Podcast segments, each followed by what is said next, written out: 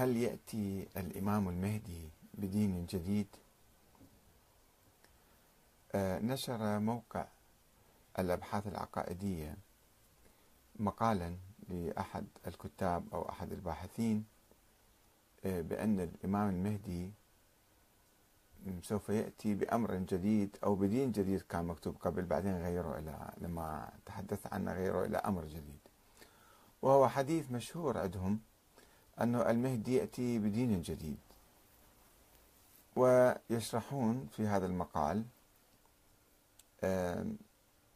يبدو أيضا هو من من مكتب السيد السيستاني مركز الأبحاث العقائدية في واحد سائل ويجاوبوا على سؤاله. يقوم القائم في حديث أورده جاء في كتاب الغيبة للنعماني.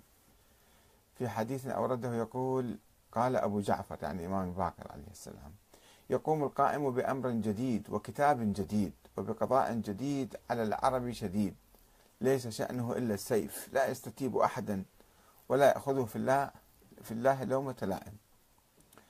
حديث عجيب غريب يعني لا يستتيب أحدا. ليش يعني ما يستتيب الناس؟ بس يقتل بالناس؟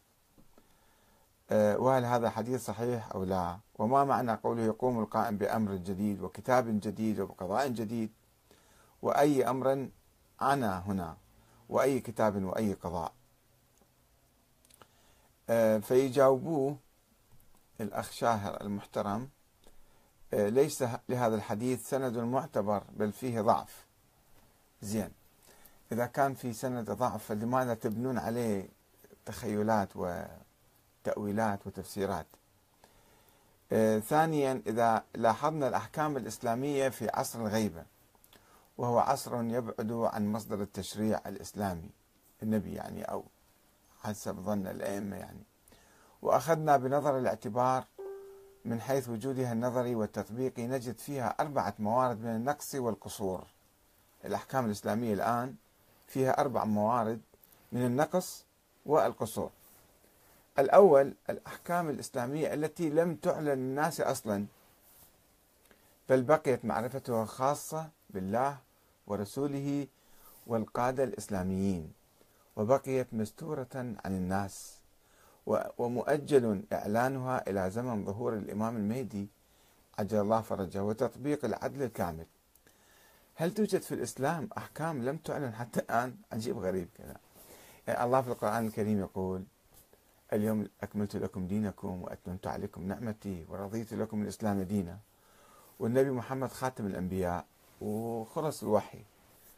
فهل بقي شيء من الإسلام؟ مستور وما حد ما يعرف به إلا مين؟ إلا الله ورسوله والقادة الإسلاميين. من القادة الإسلاميين؟ يعني يعني, يعني بهم الأئمة يعني. والأئمة 11 واحد ما بينوا الأحكام. وباقية في واحد بعدين يجي ورا ملايين السنين. الله أعلم حتى يبين هاي الأحكام.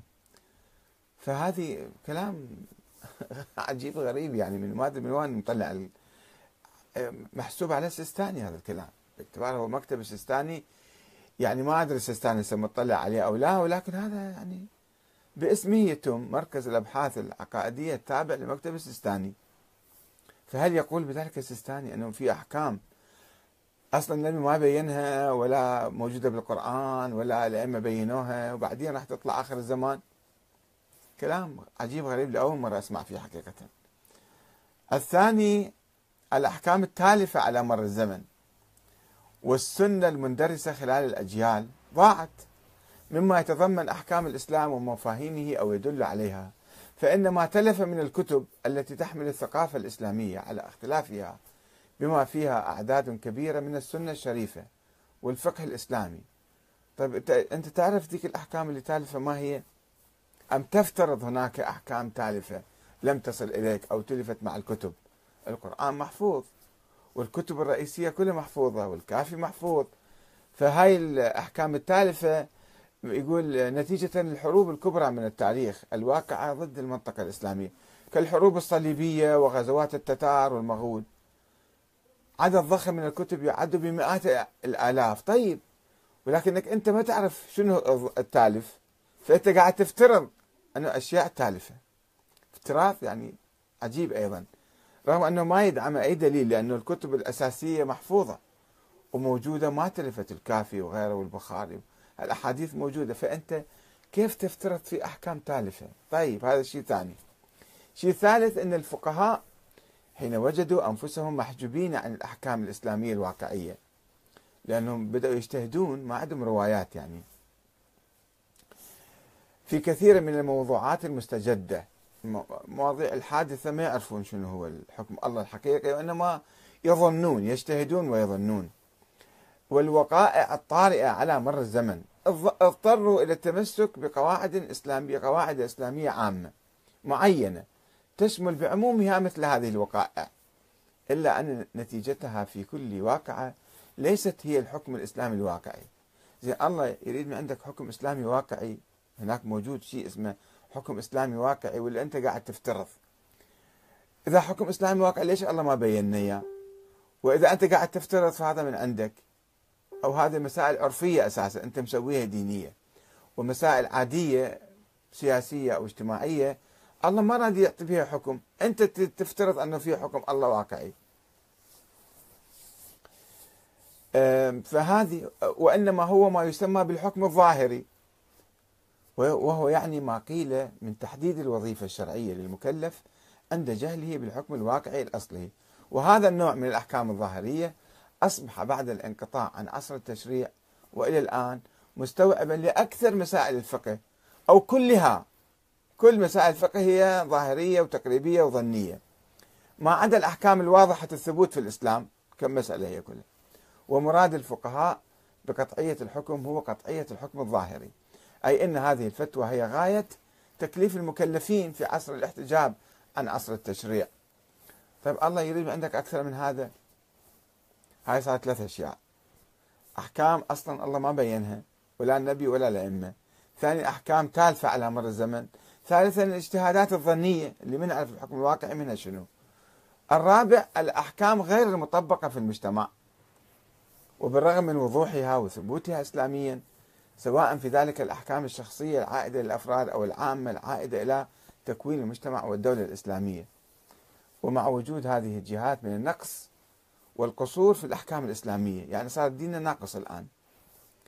خلال عصر الانفصال عن عصر التشريع يكون بوسع الإمام المهدي إكمال تلك النواقص التي أشرنا إليها وسيكون له تجاه كل نقص موقف معين.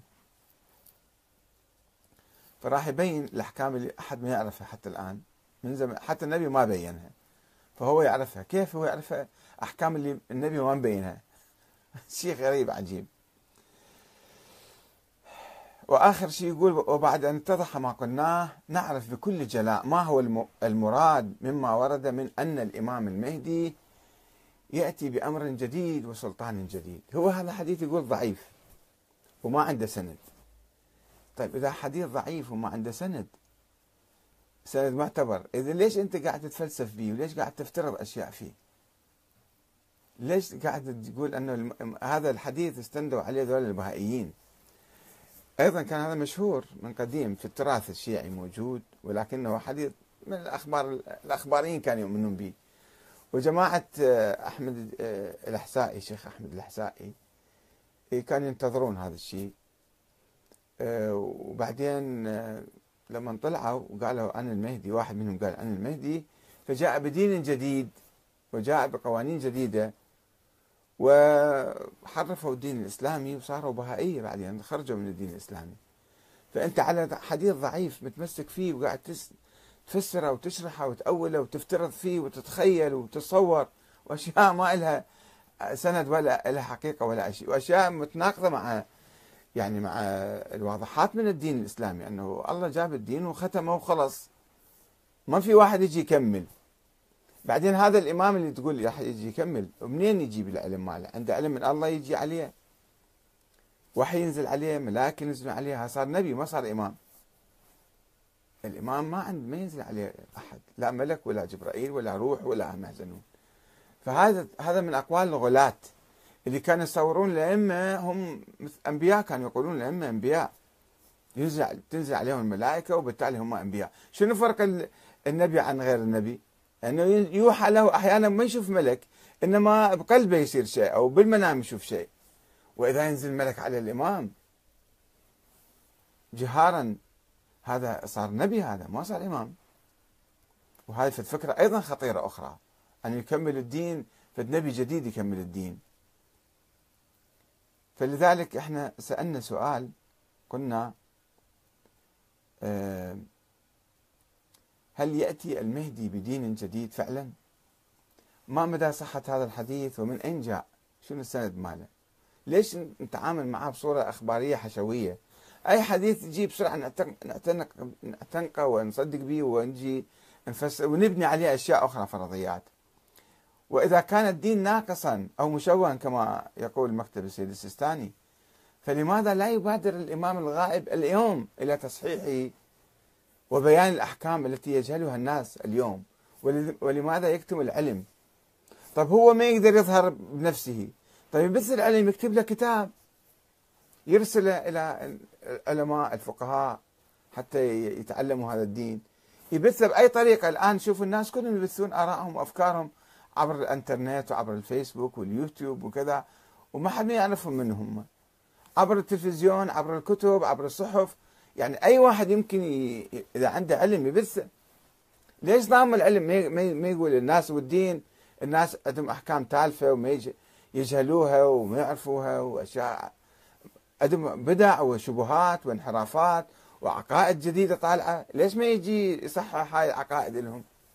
ألف سنة كنا ننتظر أنه حرام نقوم بالثورة أو نأسس دولة أو شيء لأنه لازم الإمام المعصوم يطلع. طيب ليش ما قال لنا خلال ألف سنة روحوا اطلعوا ما يحتاج تنتظرون إمام يعني معصوم. بإمكانكم أنتم تجيبوا ولاة فقيه أحد الفقهاء وتسوون حكومة آه، تحت الظلة ليش ما قال لنا هالكلام؟ ولماذا هو غائب ومختبئ أساسا؟ شنو فلسفة الغيبة؟ هل هو بسبب الخوف؟ الآن ما شاء الله لا يوجد له أنصار اليوم؟ هناك دول شيعية قائمة باسمه. وملايين الناس مستعدين ينصروه. فأي خوف؟ أكو, أكو واحد يقول أنا أخاف بعد الآن. بإمكان أي إنسان يدعي أي ادعاء. وهناك ناس يدعون أنهم المهديين دائما يطلعون يقولوا أنا المهدي. وما حد ما يخافون. فليش هذا الإمام يخاف؟ إيش راح يسووا له يعني؟ الآن في أمريكا في أوروبا أي واحد يقول أنا المهدي أنا كذا ما حد ما يتكلم معه أي شيء. لا توجد بلاد حرة ديمقراطية. يستطيع أن يعلن فيها عن نفسه. هل أمر الخروج بعدين بيده وحسب الظروف؟ يشوف الظروف المهيئة يخرج. هو يقرر آه، أم بأمر الله. أنه لا أمر الخروج مو بيده هو ما ما عنده أمر. الله لازم يقول له. إذا كان هذا صحيح إذا كان أمر بأمر الله فكيف يأمره الله ويعلمه بقرار الخروج؟ يقول له اخرج اليوم. هل ينزل عليه جبرائيل؟ أو يوحى إليه من السماء. وهل هو نبي حتى ينزل عليه جبرائيل؟ لماذا كان الشيعة سابقا يشترطون حضور الإمام المعصوم حتى يقوموا بالثورة؟ ولماذا كانوا يحرمون إقامة الدولة في عصر الغيبة؟ ولماذا أحلوا إقامتها اليوم ولم يعودوا يشترطون العصمة والنصف الإمام؟ هذه كلها أسئلة يقول لك لا تفكر فيها. لا هذا مو مو بعقلك. لا تشغل عقلك لا جمد عقلك حطه بالثلاجة. في في مكان معين يقول لك معقولة النبي يموت وما يوصي واحد؟ لا مو معقول لازم أكو واحد. زين هنا ليش أنت ما تفكر شوي من ما تشغل عقلك؟ ليش جمد عقلك بعدين؟ هذه أسئلة يعني بديهية تجي على هذا الكلام اللي أنه الإسلام ناقص الدين ناقص الآن. وفي أحكام الله ما بينها وأحكام ضاعت وتلفت وأحكام ما نعرفها وأحكام آه، اجتهادات ظنية. طيب خلي يطلع الإمام يقول لنا وكان في زمن الغيبة الصغرى عنده ارتباط ليش ما وضح الأشياء كلها للناس؟ ليش خلانا 1200 سنة ضايعين إحنا ضالين وما نعرف شنو الحكم الشرعي؟ أسئلة معقولة ولا غير معقولة؟